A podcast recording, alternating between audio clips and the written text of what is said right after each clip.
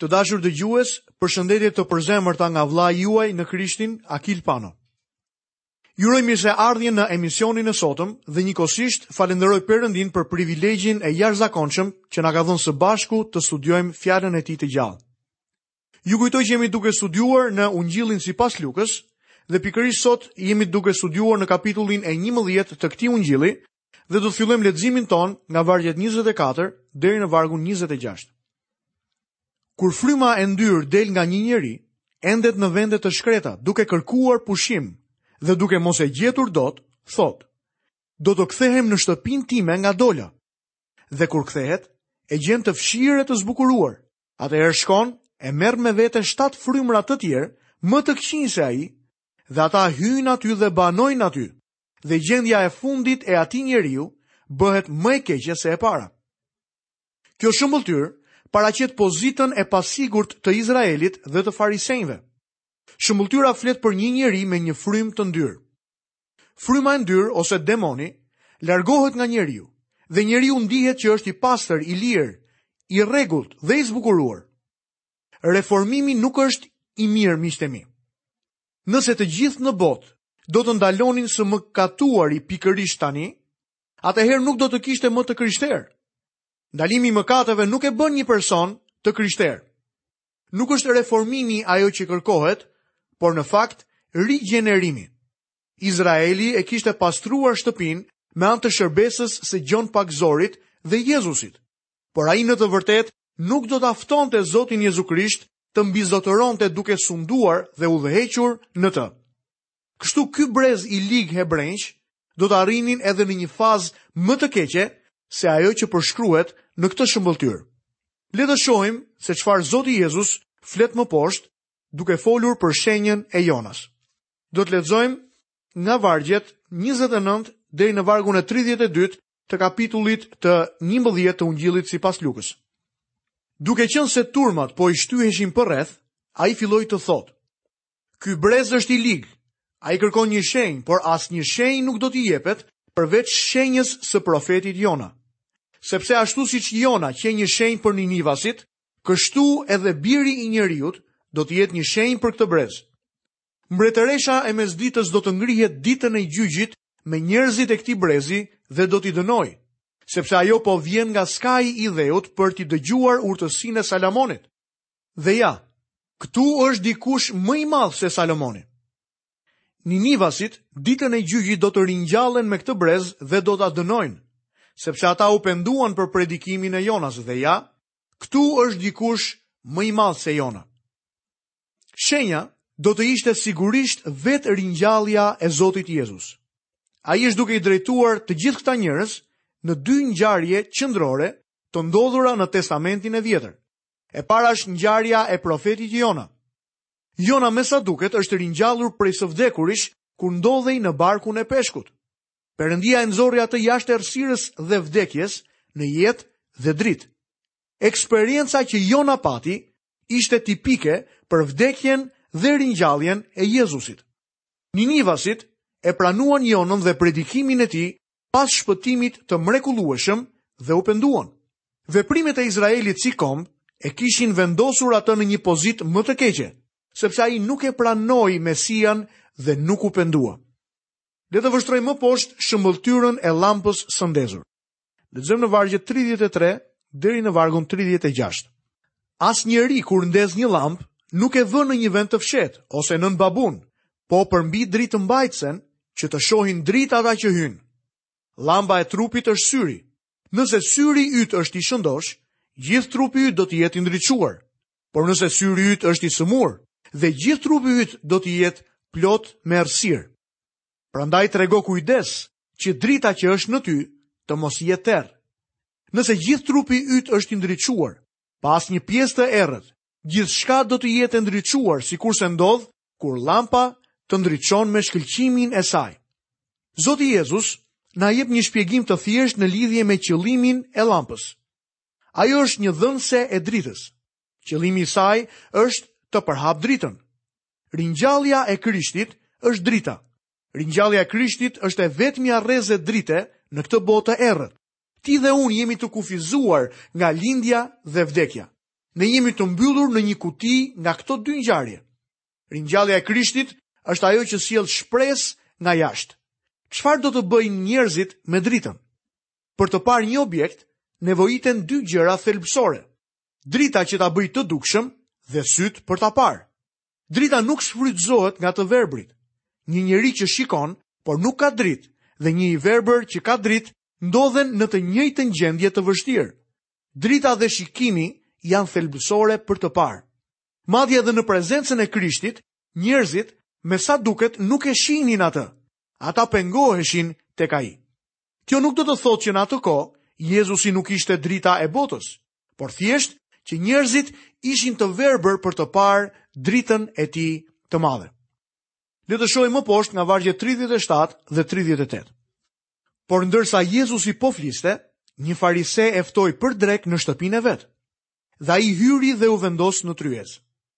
Fariseu e vuri re këtë dhe u mrekullua që Jezusi nuk i lau duart para buke.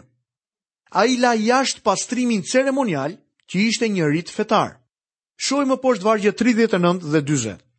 Dhe Zoti i tha, Tani ju farisenjtë pastroni të jashtmen e kupës dhe të pjatës, ndërsa brendinë tuaj e keni plot me grabitje dhe ligësi.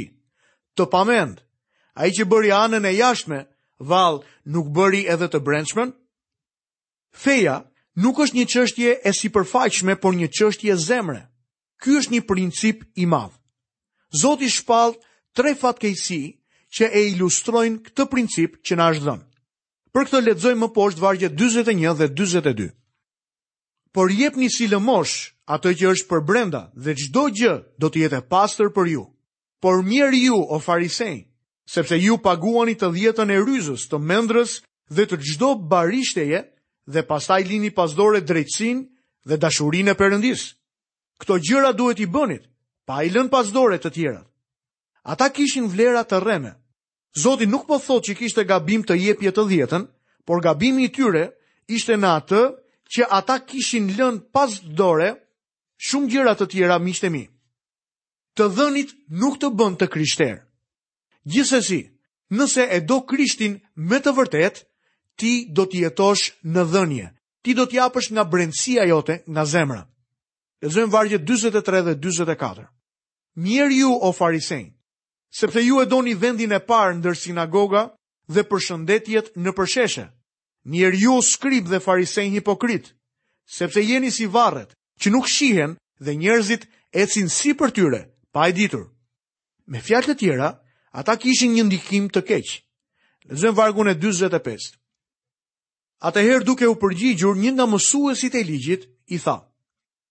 Mësues, duke folur kështu, ti po na fyen edhe ne.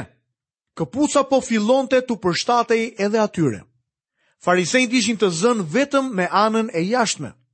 Mëkati i skribëve, i farisenjve, ishte mungesa e sinqeritetit. Ata i shtonin gjëra ligjit duke e bërë më të vështirë, pa u përpjekur vetë që ta zbatonin atë. Le të lexojmë më poshtë nga vargu dyzet e gjashtë deri në vargun e pesëdhjetë e dy të kapitullit të njëmbëdhjetë të Ungjillit sipas Lukës. Dhe ai thoshte: Mjerë edhe ju o mësues të ligjit, sepse i ngarkoni njerëzit me barrë dhe ju nuk i prekni ato barrë as edhe me një gisht. Mjerë ju, sepse ju ndërtuat varret e profetëve dhe etërit tuaj i patën vrarë ata. Duke vepruar në këtë mënyrë, ju dëshmoni se i miratoni veprat e etërve tuaj. Në fakt, ata vranë profetët dhe ju ndërtoni varret e tyre. Për këtë arsye edhe urtësia e Perëndisë tha, unë do të dërgoj profetë dhe apostuj dhe ata do të vrasin disa prej tyre, kurse të tjerët do t'i përndjekin, me qëllim që këtij brezi t'i kërkohet llogari për gjakun e të gjithë profetëve, i cili u derdh që nga krijimi i botës, nga gjaku i Abelit deri te gjaku i Zakarias që u vra ndërmjet altarit dhe tempullit. Po, unë po ju them se këtij brezi do t'i kërkohet llogari. Mjerë ju, o mësues të ligjit, sepse ju e morët çelësin e dijes, ju vetë nuk hytë dhe penguat hyrjen e atyre që po hynin. Këta krerë fetarë kishin pak a shumë të njëjtën pozitë që kanë sot disa drejtues kishash. Njerëzit shohin tek ata për interpretimin e së vërtetës. Ata e vendosin theksin më tepër në gjërat materiale sesa në ato shpirtërore. dhe ata vetë nuk po jetojnë sipas shkrimit të shenjtë. Fatkeqësisht pengesa më e madhe në çështjen e Krishtit sot është besimtari i vetëquajtur i krishterë. Neve na duhet të ekzaminojmë vetë jetët tona në dritën e fjalës së Perëndisë. Lexojmë më poshtë vargjet 53 dhe 54. Po ndërsa ai u fliste atyre këto gjëra, skribët dhe farisenjtë filluan të zemërohen shumë kundër tij dhe ta sulmojnë atë me shumë pyetje, për t'i ngritur kurthe, për ta zënë në gabim e për të mundur ta akuzojnë për ndonjë fjalë të tij. Të dashur miq, këtu kemi përfunduar studimin e kapitullit të 11 në studimin tonë. Tani do të vazhdojmë menjëherë me kapitullin e 12 të Ungjillit sipas Lukës. Në kapitullin e 12 të Ungjillit sipas Lukës do të vështrojmë këto çështje. Jezusi paralajmëron për majanë e farisenjve. Më poshtë do të vështrojmë shëmbëlltyrën e budallait të pasur. Më pas do të shohim shëmbëlltyrën e kthimit nga dasma testimi i shërbëtorëve në dritën e ardhjes së Krishtit dhe në fund Jezusi shpall se është një person që ndan njerëzit. Le të shohim çështjen kur Jezusi paralajmëron për majanë e farisenjve. Në kapitullin e 12 do të shohim që ky kapitull vazhdon të regjistrojë shërbesën e jashtëzakonshme të Zotit tonë. Luka shton disa gjëra të reja që ai më pas do t'i theksojë. Lexojmë nga vargu i parë i kapitullit të 12 të Ungjillit sipas Lukës. Ndërkaq u mblodh një turmë me mijëra, sa që shkelnin njëri tjetrin. Zoti Jezus filloi t'u thotë dishepujve të vet: Para se gjithash, ruhuni nga majaja e farisenjve, që është hipokrizia. Kjo është një periudhë kur shërbesa e Krishtit ishte në kulmin e saj. Turma të mëdha njerëzish e ndiqnin atë. Pikërisht në këtë kohë, Zoti Jezus kreu shumë mrekulli. Fjalë për fjalë, me mijëra të verbër u shëruan dhe mund të shihnin, me mijëra të çalë filluan të ecnin, dhe me mijëra memecë filluan të flasin. Zoti Jezu Krisht shëroi turma të tëra njerëzish. Në fakt, këto turma ishin aq të mëdha sa që ishte e pamundur numërimi i njerëzve. Njerëzit shtynin njëri tjetrin dhe në fakt disa po shkeleshin me këmbë. Ishte me të vërtetë e rrezikshme të ndodheshe midis turmës. Krishti e paralajmëron turmën për majanë e farisenjve. Nëse majaja simbolizon ungjillin, siç mendojnë shumë njerëz, pse duhet t'i paralajmëronte Jezusi dishepujt e tij për majanë e farisenjve? Majaja është një princip i së keqes dhe majaja e farisenjve ishte hipokrizia. Për majanë flitet shumë sot. Le të shohim më poshtë nga vargu i 2 dhe deri në vargun e 5. Nuk ka asgjë të mbuluar që nuk do të zbulohet, as të fshehtë që nuk do të njihet. Prandaj të gjitha ato që thatë në terr do të dëgjohen në dritë dhe ato që pëshpëritët në vesh nëpër dhomat e brendshme do të shpallen nga çatitë e shtëpive. Po ju them juve o miqtë e mi, Të mos keni frikë nga ata që vrasin trupin, por pas kësaj nuk mund të bëjnë asgjë tjetër. Unë do t'ju tregoj prej kujt duhet të keni frikë. Druhani nga ai që pasi ka vrarë, ka pushtet të të hedhë në gehena. Po, po ju them nga ai të keni frikë. Besoj se Kromueli dhe Martin Luteri e bazuan deklaratën e tyre pikërisht mbi këtë princip. Kini frikë nga Perëndia dhe nuk do të keni frikë nga askush tjetër. Më lejoni të përsëris se kur Kromueli u pyet për bazën e kurajos dhe të guximit, u përgjigj se kishte mësuar se nëse do të kishte frikë Zotin, atëherë nuk do të kishte frikë prej asnjë njeriu. Kjo është saktësisht ajo çfarë po thotë Zoti ynë në këtë pasazh. Le të lexojmë më poshtë nga vargu i 6 deri në vargun e 9. A nuk shiten vallë pesë harabela për dy pare? E megjithatë, as edhe një prej tyre nuk harrohet përpara Perëndisë. Madje edhe flokët e kokës janë të gjitha të numëruara. Prandaj mos kini frikë. Ju vleni më tepër se shumë harabela. Dhe unë po ju them, kushdo që do të rrëfejë për mua përpara njerëzve, edhe biri i njeriut do ta rrëfejë përpara engjëjve të Perëndisë. Por ai që do të më mohojë përpara njerëzve, do të mohohet përpara engjëjve të Perëndisë. Qortimi i hapur i Zotit tonë ndaj krerëve fetarë do të sillte sigurisht zemërimin e tyre mbi kokën e tij. Dishepujt e Jezusit gjithashtu mund të prisnin të njëjtin lloj trajtimi prej krerëve fetarë. Zoti Jezus u jep këto fjalë ngushëllimi dhe sigurie të kujdesit të Zotit për ta.